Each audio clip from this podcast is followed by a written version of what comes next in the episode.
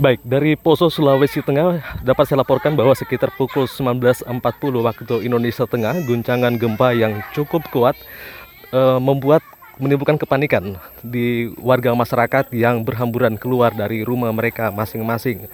Mereka histeris, anak-anak juga menangis ketakutan karena kuatnya gempa tersebut. Namun sejauh ini belum diperoleh informasi lebih jauh mengenai pusat gempa dan maupun kekuatan gempa itu sendiri. Namun yang dapat saya laporkan, malam ini warga semuanya berada di luar rumah. Mereka masih diliputi kekhawatiran terhadap kemungkinan gempa susulan.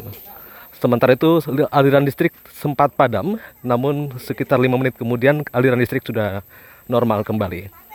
Demikian yang dapat saya laporkan untuk saat ini, kembali ke studio.